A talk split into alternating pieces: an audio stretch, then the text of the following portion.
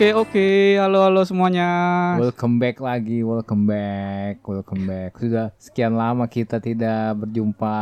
Kayaknya udah dua minggu kali ya. berjumpa, kita tidak berjumpa. Sorry nih, sorry nih, sorry nih buat para pendengar yang udah lama nungguin kita. Tahu kita ditungguin apa kagak ya? Enggak, tapi kalau dilihat dari responnya sih kayaknya kita dapat dapat respon yang positif ya. Kita positif negatif, gas terus aja dah. Oh ya, pertama-tama eh, kita ngucapin selamat berpuasa bagi teman-teman yang menjalankan dan bagi teman-teman yang nggak menjalankan, tolong jaga tangan kanan tangan kirinya lagi sekali lagi. Kita Ingat. sih cuman mengingatkan saja ya. Iya mengingatkan lah. Kalau enggak lu sadat aja mendingan. Yuk kita sadat. ya. Yang buat apa sih kalau jalan-jalan sore namanya? JJS, JJS. Nga- Oh, ngabuburit. ngabuburit, ngabuburit, Ngabuburit. ngabuburit. Nah, ngabuburit. Ngomong-ngomong ngabuburit nih, kita ngabuburitnya bikin podcast. ngabuburitnya bikin podcast biar teman-teman buat apa? Buat nemenin teman-teman yang lagi apa lagi puasa gitu kan sama yang nggak puasa juga boleh dengerin kita lah semakin banyak semakin bagus Nah, gitu juga kan terus juga kalau misalkan ada nanti kita bikin link untuk donatur atau donate boleh lah ya Oh, iya. Ki- kirim-kirim gitu donate donatnya Ah. buat, buat beli takjil sama buat beli susu bayi nih curut nih Eh, Anak gua udah nggak minum susu lagi, coy. Masih minum sih, cuman yang udah bukan baju-baju banget. ya sengaja kan tetap aja masih minum Eh, kali ini kita mau ngomongin tentang puasa ya. ya ngomongin tentang puasa Pokoknya, puasa kan pokoknya banyak- yang berhubungan tentang puasa lah ya intinya ya. banyak nih kali-kali aja nih tentang puasa ya contoh satu halnya kayak kita ngabuburit nih lagi kita bikin Ah. podcast banyak kan di jalan-jalanan sekarang lagi ngabuburit Hmm. lagi ditangkap-tangkapin sama nggak pakai masker gitu udah dua apa dua tahun nih puasa pandemi pakai kayak Hmm. gini nih Eh, sama apa yang kita bahas sebelumnya ya Hmm. tentang ini. Kayaknya eh, dugaan ancur sih benar ya. Apa oh, prediksinya? Kayaknya tahun ini sama tahun lalu kayaknya nggak ada bedanya. nggak akan ada bedanya pasti juga karenanya apalagi sekarang udah diperketat kan untuk yang mudik yang mudik itu udah nggak boleh coy Iya. iya udah udah Dari tanggal 22 kemarin ya. Iya, dari tanggal 22 kemarin tuh udah nggak boleh mudik. Sekarang aja makanya eh gimana ya buat para para pendatang gitu, buat para para yang ngerantau-ngerantau teman-teman yang di apa, yang lagi di kosan nih atau lagi kerja yang dengerin kami nih ya, Mm-mm. kami berdua. Ya sabar-sabar aja ya. Kali aja ini ujian dari Allah gitu. Ujian apa azab? Nggak tahu dah kalau yang aja ba- bagi siapa nih yang. Nggak, soalnya kalau dalam hal ini gue sih percaya ya di manusia berubah itu karena dua hal. Yang satu kena azab, yang satu hidayah. Nah, lu kalau misalnya lu nih tipikal orang yang seperti apa nih? Lu sebenarnya udah dikasih hidayah tapi lu nggak peka atau lu nunggu azab? itu tadu mau ngomong-ngomong ajab nih ajab itu parah coy ya kan gitu kan? Iya. Memang bener kan? Orang berubah itu kan dua hal, hidayah dan azab. jangan ajab teguran lah yang lebih lebih lebih konotis konotasinya tuh lebih lebih nggak terlalu parah-parah banget coy kalau udah ajab tuh udah lu udah ajab lu Apa itu parah coy Ya, maka- ya makanya itu. Tegu- teguran lah teguran Teguran berarti kalau teguran itu Iya, dua sama- hidayah dong Sa- berarti. sama aja sih sebenarnya beda-beda tipis cuman kalau Cuman cuman indi- indikatornya masih rendah ya. Ah, indikatornya masih rendah. Kalau untuk ajab kayaknya udah lu sengsara nih misalnya nih, lu ngelakuin kesalahan nih ya. Hmm. Ya Udah gitu lu udah kena ajab tuh, udah kena ajab tuh eh kenanya lu nggak nggak diampunin lagi kena Nah, ngomong-ngomong tentang azab nih, kita ngelihat berita ya kan kayak di KPK ya, mau Hmm. maaf kata nih. Di sana kan lagi heboh tuh. eh, salah satu oknum di KPK Hmm. menawarkan jasa. Dia kayak menawarkan jasa kalau misalnya ngasih uang ke dia 1, koma berapa miliar gitu, katanya kasusnya bakal ditutup tuh. Bakal hilang, bakal Iya. hilang gitu ya. Wah, itu sih Gokil. gokil banget ya. Sekarang kalau gue ya, kalau gue sih, gue sih sebenarnya hidup di Indonesia ini ngerasa malu ya, tanda kutip eh, dari pemerintah Indonesia itu dengan sengaja mendirikan sebuah lembaga KPK hanya untuk menangani hal-hal korupsi. Gue sih malu banget ya. Bener sih. Kalau malunya gimana malunya? ya karena dengan adanya lembaga itu berarti kan sudah terbukti gitu. Tingkat korupsi di negara kita ini benar-benar susah dikendaliin. Karena apa? Karena yang kayak hukumnya pun memang kurang sih.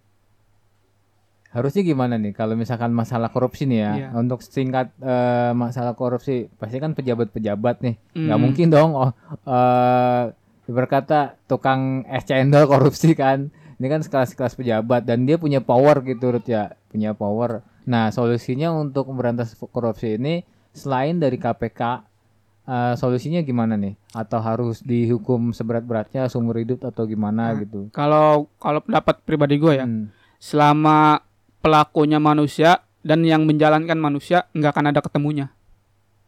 Percaya deh, nggak akan ada ketemunya.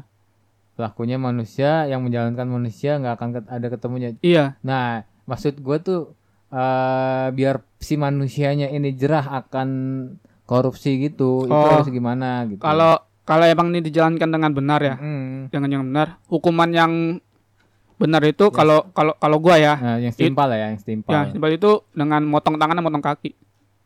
Oh, kisos dong atau apa yang yang kalau di agama Islam tuh yang potong Apa tangan apa? Kisos apa kisos kayak sih? Kayaknya gua. sih, kayaknya sih itu. Kurang Soalnya kan kalau dari almarhum Ali Jaber dan dia tuh pernah ceramah untuk para koruptor itu yang paling tepat itu adalah hukuman mati kan Nah. waktu itu. Nah, cuman kalau pendapatku pribadi sih kalau hukuman mati itu nggak memberikan pelajaran buat yang lain. Kalau yang paling yang benar-benar pelajaran itu ya potong tangan, potong kaki. Lu korupsi cukup lu potongnya tang- kedua tangannya dan kedua kakinya Iya. di pergelangannya pas di pergelangannya. Nah. Nah, dari situ si pelaku nih pasti akan akan bercerita nih ke teman-temannya nih. Walaupun lu punya duit banyak punya harta yang melimpah lah bla bla bla tapi lu nggak akan bisa pergu- pergunakan. Nggak bisa gunain untuk yang ke mana-mana gitu jalan-jalan iya ya. sekarang lu lu nggak punya lu kalau punya satu kaki lu masih punya tangan lu masih bisa jalan Hmm. pakai dua tongkat. Tapi kalau lu tangan nggak punya kaki nggak punya apa yang bisa lu lakuin? Lu paling bisa sedih. Dan itu emang hukumannya pas. Karena apa? Karena dari situ si calon-calon yang mau menjalankan korupsi. praktek korupsi akan melihat nih Aha. Ada contohnya lah ya. ada contohnya contoh hidup Nah, contoh hidup dan si contoh hidupnya ini akan jadi contoh yang yang benar-benar contoh gitu Hmm. itu sih pendapat gua ya Ya moga-moga di bulan puasa ini untuk yang melakukan praktek korupsi dan yang eh, lembaga Ingin. yang ingin apa yang ingin melakukan korupsi melakukan- juga melakukan korupsi dan lembaga hukum KPK itu yang apa tadi? Yang lu dihapus ya? Kalau bayar se ya itu oknum itu ya, oknumnya ya. Ya oknum-oknum dari KPK itu moga-moga lah diberikan hidayah di bulan puasa ini di- hidayah ya di- bukan azab ya. di bulan Ramadan. Ya kali-kali aja dapat ajab juga gitu kan. Dari ajab terus dapat hidayah gitu. Nah berhubungan dengan azab dan hidayah nih. Hmm.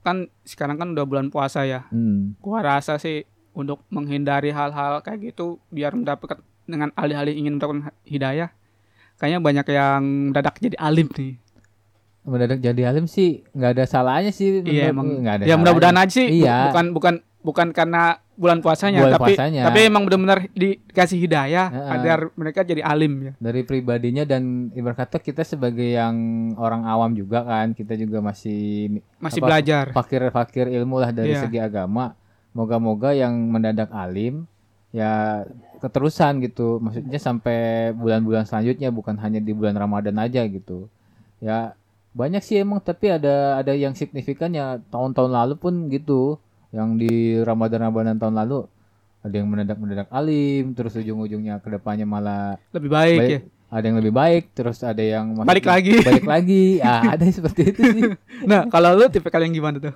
kalau gue sih tipikalnya yang masih belajar lah. Belajar apa? Masih belajar dari segi agama juga. Enggak, maksudnya lu yang tipikalnya tipikal yang Alim. alim pas di bulan puasa doang apa apa seterusnya atau apa tiba-tiba lu balik lagi gitu. Nggak tahu deh. Itu, itu pandangan orang sih gue juga. Enggak, nggak lu aja Nggak tahu. lu pribadi. Gue nggak mau nyebutin. Soalnya itu kadang penilaian orang sendiri ke guanya. Kalau gue sih nggak nggak mau. Takutnya kan ntar gue jumawa atau risya kan gitu. Takut ria lu ya Iya. dibilangnya. Iya. Nah, kalau yang dari lingkungan lu nih gimana? Kalau dari lingkungan gue sih eh, rata-rata ya gitu ada beberapa eh, anak-anak tongkrongan lah ya di gangan gua yang mendadak ya dia yang rajin sholat gitu tiba-tiba dia rajin sholat Ta- tapi ketemunya sih pas eh, apa sholat isya sama terawih doang Ketemunya. Iya. Soalnya kan pas ya yang apa lima sholat lima waktu selanjutnya kayak subuh, eh, asar, maghrib, zuhur gitu. Nggak nggak pernah ketemu kan. Yang ketemunya ya ya pas sholat isya sama zuhur aja di lingkungan gua yang orang-orang anak apa anak-anak tongkrongan di gangan gua. Hmm, Lagi pula gue juga jarang di rumah juga jarang nongkrong di depan gangan sih maksud gue gue juga kebanyakan gue aktivitas ya paling kenanya di rumah gitu. Kalau misalkan mau nongkrong ya kalau ada teman-teman ya kayak model lu aja Ruth ya WA gitu kan yuk nongkrong di mana atau misalkan kayak engkong gitu nong ngajakin nongkrong atau yang lain anak-anak eh, komunitas lah komunitas cadas gitu. Gue nggak terlalu hmm. nggak terlalu apa banyak nongkrong untuk di daerah ya kalau untuk di daerah hanya sekedar lo doang soalnya ya gitu dah untuk pergaulannya nggak kurang aja menurut gua Lu sama pacar lu itu bukannya suka jumatan bareng ya? yang mana nih Iya kan kadang-kadang pacar lu yang jadi imamnya. It, jumatan bareng nggak ada ngaco lu inget lu inget sama sama sepia lu lu sepia Nah. ya ngomong ngomong-ngomong eh sepia lu nih Ruth ya? Sepia siapa Sepia? sepia. Tetangga gua. Tetangga gua. Kenapa kenapa? dia eh, cerita nggak malu kalau dia sholat Jumat gitu? Kalau kalau itu sih nggak pernah sih. Dia dia dia nggak pernah cerita. Tapi kalau kalau nitipin duit untuk masuk kotak amal dia dia selalu cerita. Kadang-kadang dia pengen nitip juga ke gua. Gua sih kalau dari dia ya kalau masalah ke der- dermawan eh dermawan dermawan gitu ya kan. Iya, dermawan. Dia tuh dermawan banget seriusan. Hmm. dia tipikal orang seperti itu. Indah sih itu, itu sih mungkin karena dari segi ekonomi mampu mungkin ya. Hmm. Jadi dia mungkin bisa melakukan hal seperti itu ya. Iya. Nah, kalau masalah mendadak alim nih, balik lagi. Di Iya. kalau di daerah gua ya. Nah, kalau di daerah lu untuk mendadak alim itu kayak gimana dari lingkungan lu atau anak-anak tongkrongannya gitu. Kalau anak-anak nongkrongan gua, gua sih udah lama nggak nongkrong juga. Kalau dari bocah-bocahnya ya, Iya. itu sih eh kelihatan sih kelihatan kayak lebih norak sih. Apalagi kalau sahur, lu tahu sendiri kan kalau sahur kan posisinya gimana tuh? Hmm. ya tiba-tiba sahur sahur itu sampai bentrok coy Ya tawur-tawuran gitu ya. enggak bukan bukan bukan tawuran. Jadi weh lu tunggu dulu di sono gua dulu dibangunin gitu. Jangan Oh, begitu. Antara gang satu gang lain iya. dengan satu gang kan lain ya. kan dan yang satu kan keluar dari gang dep gang depan satu Nah, masuk dari gang belakang. Nah. tiba bentrok di tengah kada weh lu tar dulu tunggu dulu di sono gua dulu yang bangunin. Gua dulu loh gitu Pokoknya gua tuh Lu ngeliatin aja jadi, jadi wasit. itu lucu banget.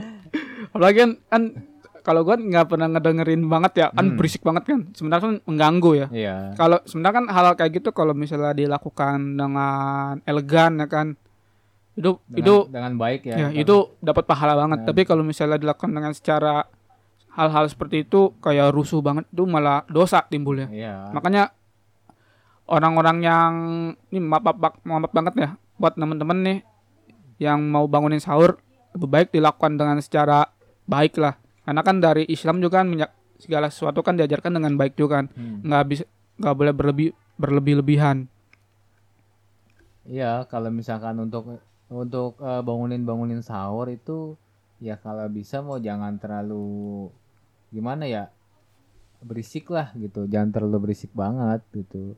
Eh, Kalau misalkan mau ya ketok dengan pelan gitu dari rumah atau si apa si orangnya gitu. Maksudnya nih ini si tetangga ini nih belum bangun nih. Oh.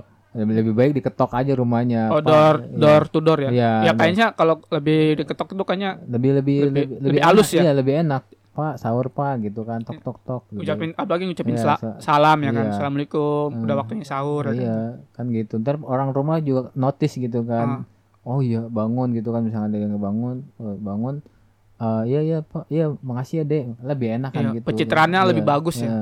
Kenanya seperti itu. Lebih lebih eh, baiknya baiknya seperti itu daripada lu pakai alat genjong genjreng genjreng genjreng gitu kan. Eh, Kalau dari Udah sisi gitu, udah enggak udah gitu. Tadi udah gitu ngom apa bukan sahur. Apa Pada eh, tawuran. bu- bukan bukan tawuran. Maksudnya tuh lagunya tuh bukan lagu sahur sahur lagu apa? Lagu-lagu kayak lagu lagu sporter coy sepak bola ya. Sporter, sporter dung dung dung dung dung dung dung gitu. ayo Persija Eh ngomong Persija, Persija lagi menang ya 2-0 lawan Persib ya kemarin. gua gua nggak nonton Oh, lu gak nonton tuh ya. gua nggak nonton itu gua pengen nonton nggak ada TV di rumah aja Gue juga nggak nonton sama sih. Gue cuma tahu dari medsos aja. highlightnya highlightsnya Iya, lu rame banget tuh di mana-mana tuh pada bikin status. Iya, itu yang fans-fans Persija nih di bulan Ramadan ini atau di bulan puasa ini nih dapat hadiah nih dari Persija nih buat fans-fansnya nih. Ya berkah ya bulan Ya, Ramadan ya. Moga-moga aja persepak bolaan Indonesia nih Jadi lebih baik lagi. ya jadi lebih baik lagi. terus Kualitas juga- pemainnya juga ditingkatkan ya kan. ini dari kualitas pemain juga udah lumayan sih ya, lumayan. Cuman- kalau untuk eh, kebugaran mungkin itu bisa diasah lagi gitu ya segala macamnya. Ya intinya sih harus harus bisa lebih baik lagi dari sebelumnya ya. Mm. Dan satu lagi untuk itu supporternya. Supporternya harus lebih sehat. Ya kalau bisa supporternya jangan rusuh lah antara supporter satu sama dan dengan supporter yang lainnya. Jadinya gue sendiri ya, gue sendiri pencinta bola. Cuman kalau untuk nonton Liga Indonesia itu agak kurang gimana gitu ya. Kalau gue pribadi ya, gue pencinta bola kayak gue gue eh, nggak nggak gila bola ya. Maksudnya gue pencinta aja gitu pemain apa nonton bola gue main gitu. Cuman nggak eh, kalau misalnya kayak supporter-supporter Indonesia gitu yang tawur-tawuran jadi malas nontonnya gitu Rut Kayaknya eh, karena faktor iklim deh. Kan iklim di Indonesia kan tropis tuh, Ah. panas. Jadi bawaannya panas mulu. Tapi kalau di luar-luar negeri kan kayak di Inggris kan dingin. Mungkin karena jadi karena dingin bawaannya dingin aja adem. Ayem. enggak juga sih itu tergantung pribadinya masing-masing Enggak, tapi kan tipik, Balik tapi kan lagi. tipikalnya kan kayaknya tergantung musim ya. enggak juga.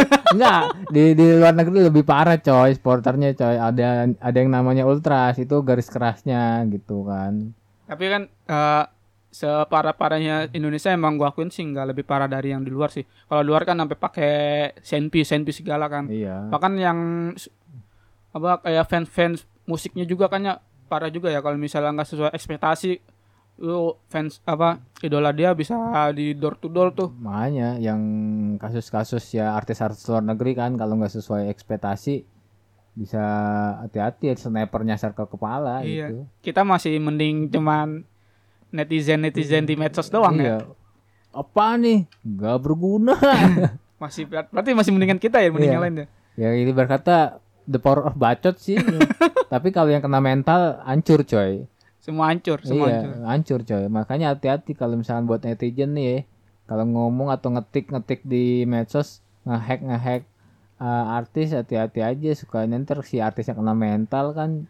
Ya, pokoknya buat para netizen Indonesia ini kan ini ini kan bulan puasa ini kesempatan kalian untuk berubah lah. Ya, Iya. tunjukin lah sisi kemendadakan alim kalian gitu. harusnya gitu Soalnya jangan sampai sih amit-amit cabang buaya ya azab. Azab ajab untuk netizen netizen. Ya, tadi Ya.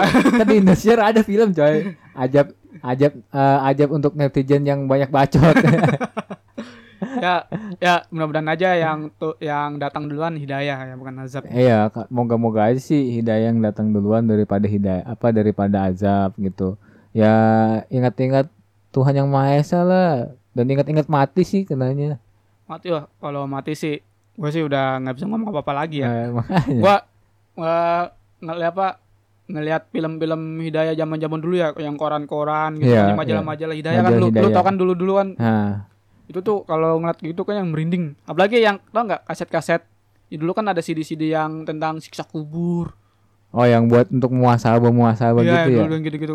Terus kan dikasih lihat tuh yang di siksa yang di kubur yang lagi disiksa tuh. Hmm. terus yang apa yang kayak azab-azab binatang-binatang yang menyerupai manusia kayak ikan pari dulu kan lu inget kan gitu-gitu gitu Ya itu sebenarnya sih ikan pari, tapi kan orang apa orang berpikirnya itu manusia, manusia, yang diajab sama orang tuanya atau ibunya kan kenanya seperti itu.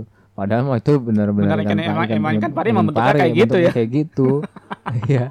ya, orang Indonesia kan kenanya taunya identik dengan mitos gitu. Mitos sama u- urban legend gitu. ya eh, balik lagi sih ke logika sama apa eh, logika dia sama pola pikir dia jadi jangan sampai dia kena doktrin Ya, kenanya balik lagi kalau untuk ke masalah mistis atau kepercayaan kayak itu ya balik lagi kita keimanan kita dan logika kita gitu.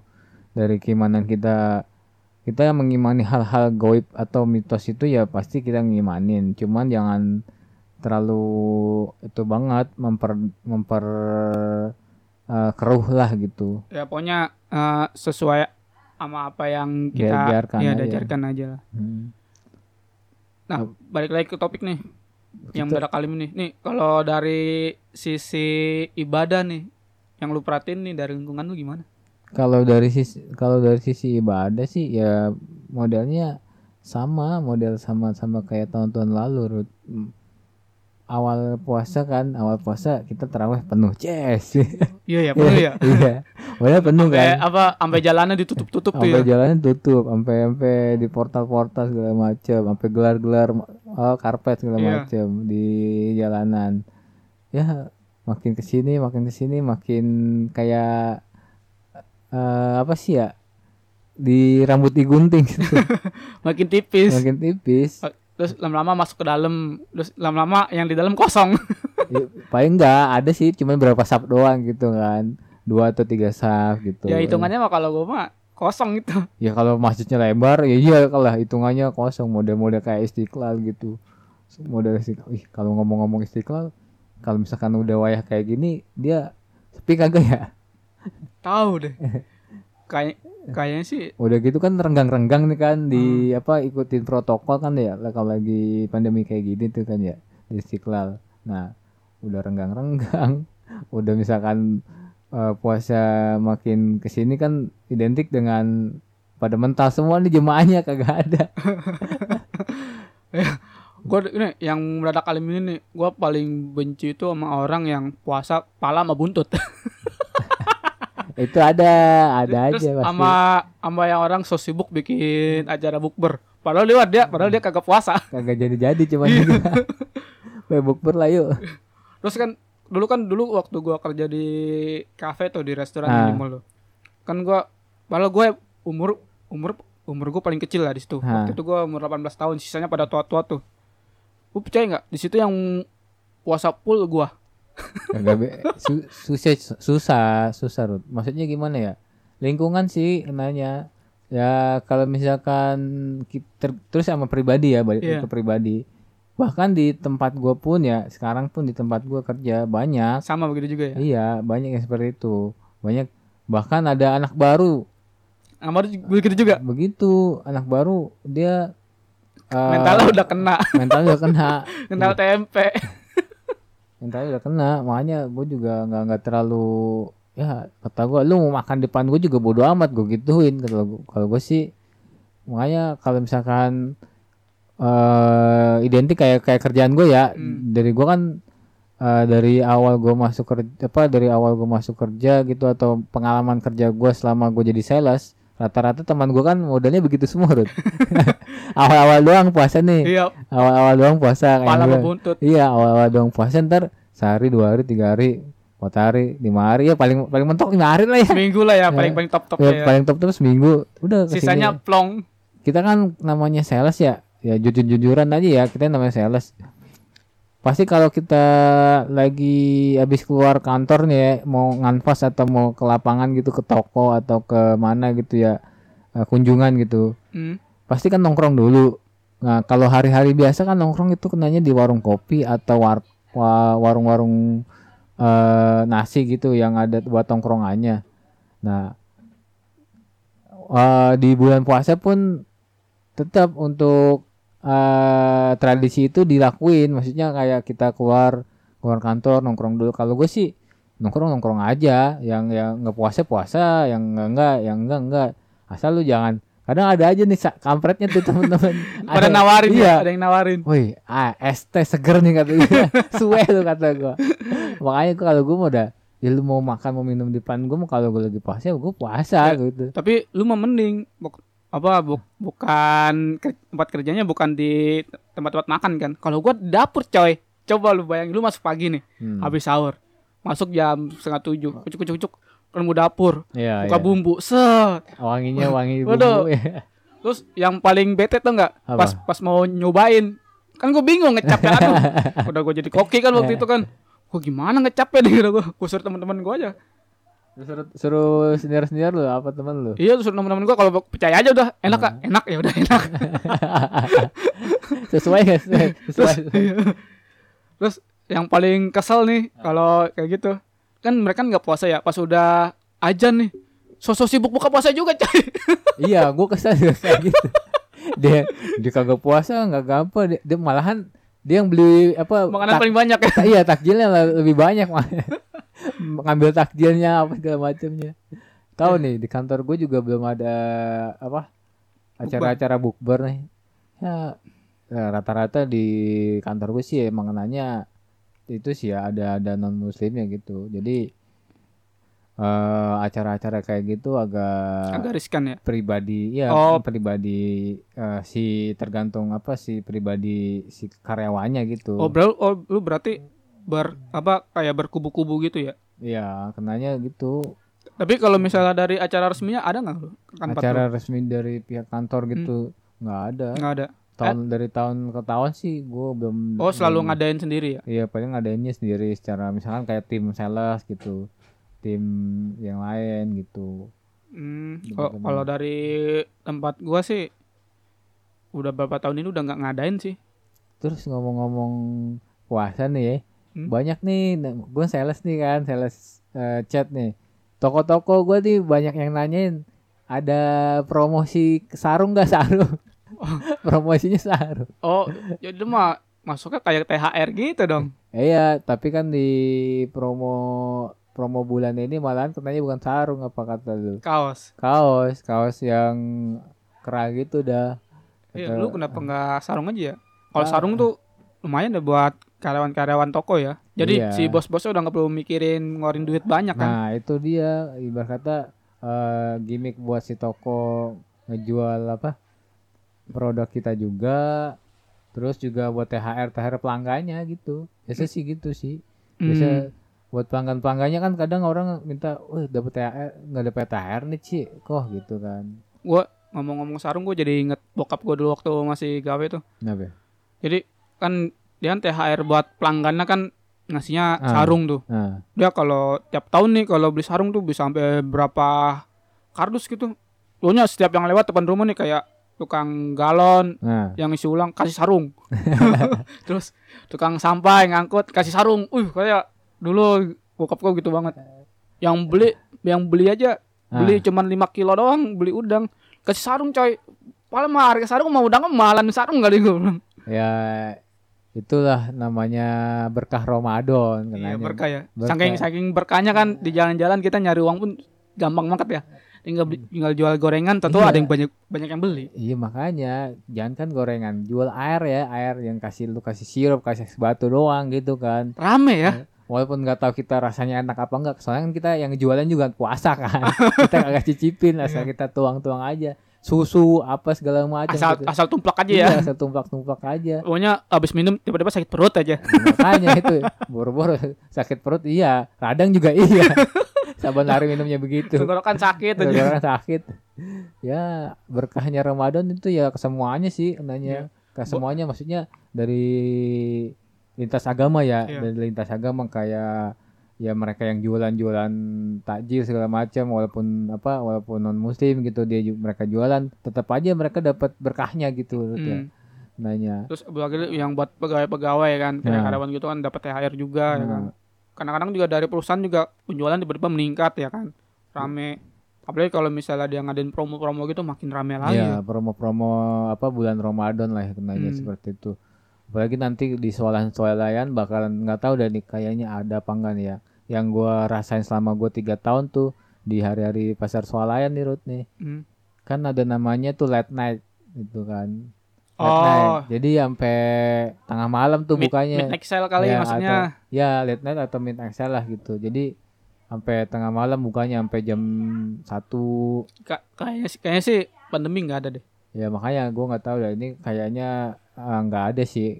soalnya gue juga waktu gue kerja di mall juga ada midnight sale tuh kalau Hmm. Kalau dulu tuh mall kan umumnya kan tutup jam 10 kan Iya. itu kalau sale tutup, tutup jam 12 Jam 12 ya. tuh kalau misalnya di Citos nih Hmm. Citos itu malam minggu tuh normalnya tuh dia jam 2 dulu ya dulu banget kalau kalau sekarang jam gua nggak dua. tahu iya Jam 2 malam. kalau lupa. baru tutup jam 4 itu bukan jam itu bukan midnight lagi itu mau subuh kan. subuh sale subuh sel. itu, itu sih dulu ya dulu Nah. kalau sekarang gua nggak tahu terus waktu di PJ nih Pete Johnson Nah, dulu kan pernah ada nonton bola bareng ya nobar ya. kan kalau malam minggu dia tuh tutup jam 11 Hah.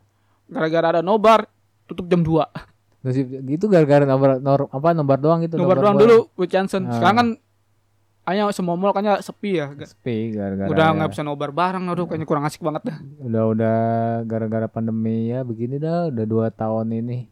Gara-gara pandemi moga-moga di bulan Ramadan ini yang kita jalanin ke depannya pandemi udah nggak ada lagi lah di tahun ketiga. Amin. Di tahun ketiganya juga moga-moga semua lancar ya gitu berjalan kan. dengan normal se- apa seperti sebelumnya ya. Nah, berjalan normal. Terus juga yang terjangkit pandemi juga lekas sembuh gitu kan. Ya kita hanya bisa mendoakan lah gitu. Di bulan Ramadan di bulan yang penuh berkah ini. Gimana menurut lu Ruth, untuk eh, di bulan Ramadan ini? Ya, Eh, harapan lu harapan lu. harapan gua Nah, harapan gue sih moga-moga ya di setiap mall-mall seperti belanjaan yang lain di banyak-banyak lebih banyak lagi diskonnya. Gua terus demen gua demen. Terus terus? TH, THR ya, cepet turun. Turun udah turun terus ditambahin lagi ya Tambahan kan? bonus gitu ya. Iya amin kan. terus penyakit segala penyakit yang buat teman-teman yang punya sakit apa sakit apa mudah-mudahan diberi cepat kesembuhan ya. Amin amin. Terus yang kena musibah mudah-mudahan musibahnya segera dihilangkan. Amin. Terus mudah-mudahan di tahun ini yang lebih banyak turun bukan azab tapi hidayah ya kan Moga-moga sih dapat hidayah Iya. dari yang kuasa. Ya. Berbentuknya ajab. ya jangan sampai corona selesai azab-azab yang lain turun gitu Nauzubillah min zalik ya Iya, ya. Ibarat kata tahu dari tahun maaf maaf ya. Kayak tahun kemarin kita nggak ada kayak terlalu nggak terlalu itu banget ada yang signifikan banget kayak bencana-bencana alam. Cuman kenanya kan dari dari apa dari itunya doang kan kayak eh, corona ini aja belum belum berakhir kan kenanya. Hmm. Ya kemarin juga belum lama gimana sih Jambi apa NTB tuh Iya yang, yang, NTB itu Malang yang juga kemarin gempa juga kan. gempa gempa ya. Ya itu juga salah satu kiamat kecil. Ya, moga-moga yang tertimpa musibah di eh, luar kota, moga-moga diberikan ketabahan di bulan Ramadan ini, diberikan eh, keberkahan bagi dirinya dan keluarganya lah gitu. Hmm. Ya dari kami sih untuk saat ini segini aja ya karena mumpung lagi puasa nggak Iya. berani gibah yang macem-macem. Iya, kita lemes coy, kita kita puasa kita lemes. ah lu mah pura-pura lemes. lu pura-pura lemes. gua Jadi- tahu gua tahu lu lu tiap malam garuk-garuk tangan mulu kan. Aduh, aduh, aduh. Jadi, jadi buat teman-teman nih ya- yang nggak puasa, lagi lemes aja coy. Itu strategi yang sangat baik. Itu dia kalau apa tinggal di lingkungan ke kayak politik-politik gitu dia pencitraannya bagus tuh. bagus itu bagus. Pencitraannya eh, dapat nilai A dia. A plus malah. Ya udahlah, Oke, udah lah. ber- berhubung bentar lagi mau buka, kita mau siap-siap buka puasa. Oke. Ya dari gua curut Dari gua Ancor, udah segitu aja ya guys. Nanti kita ketemu jumpa lagi ya. Ya, jumpa lagi di lain waktu. Dadah. Dadah.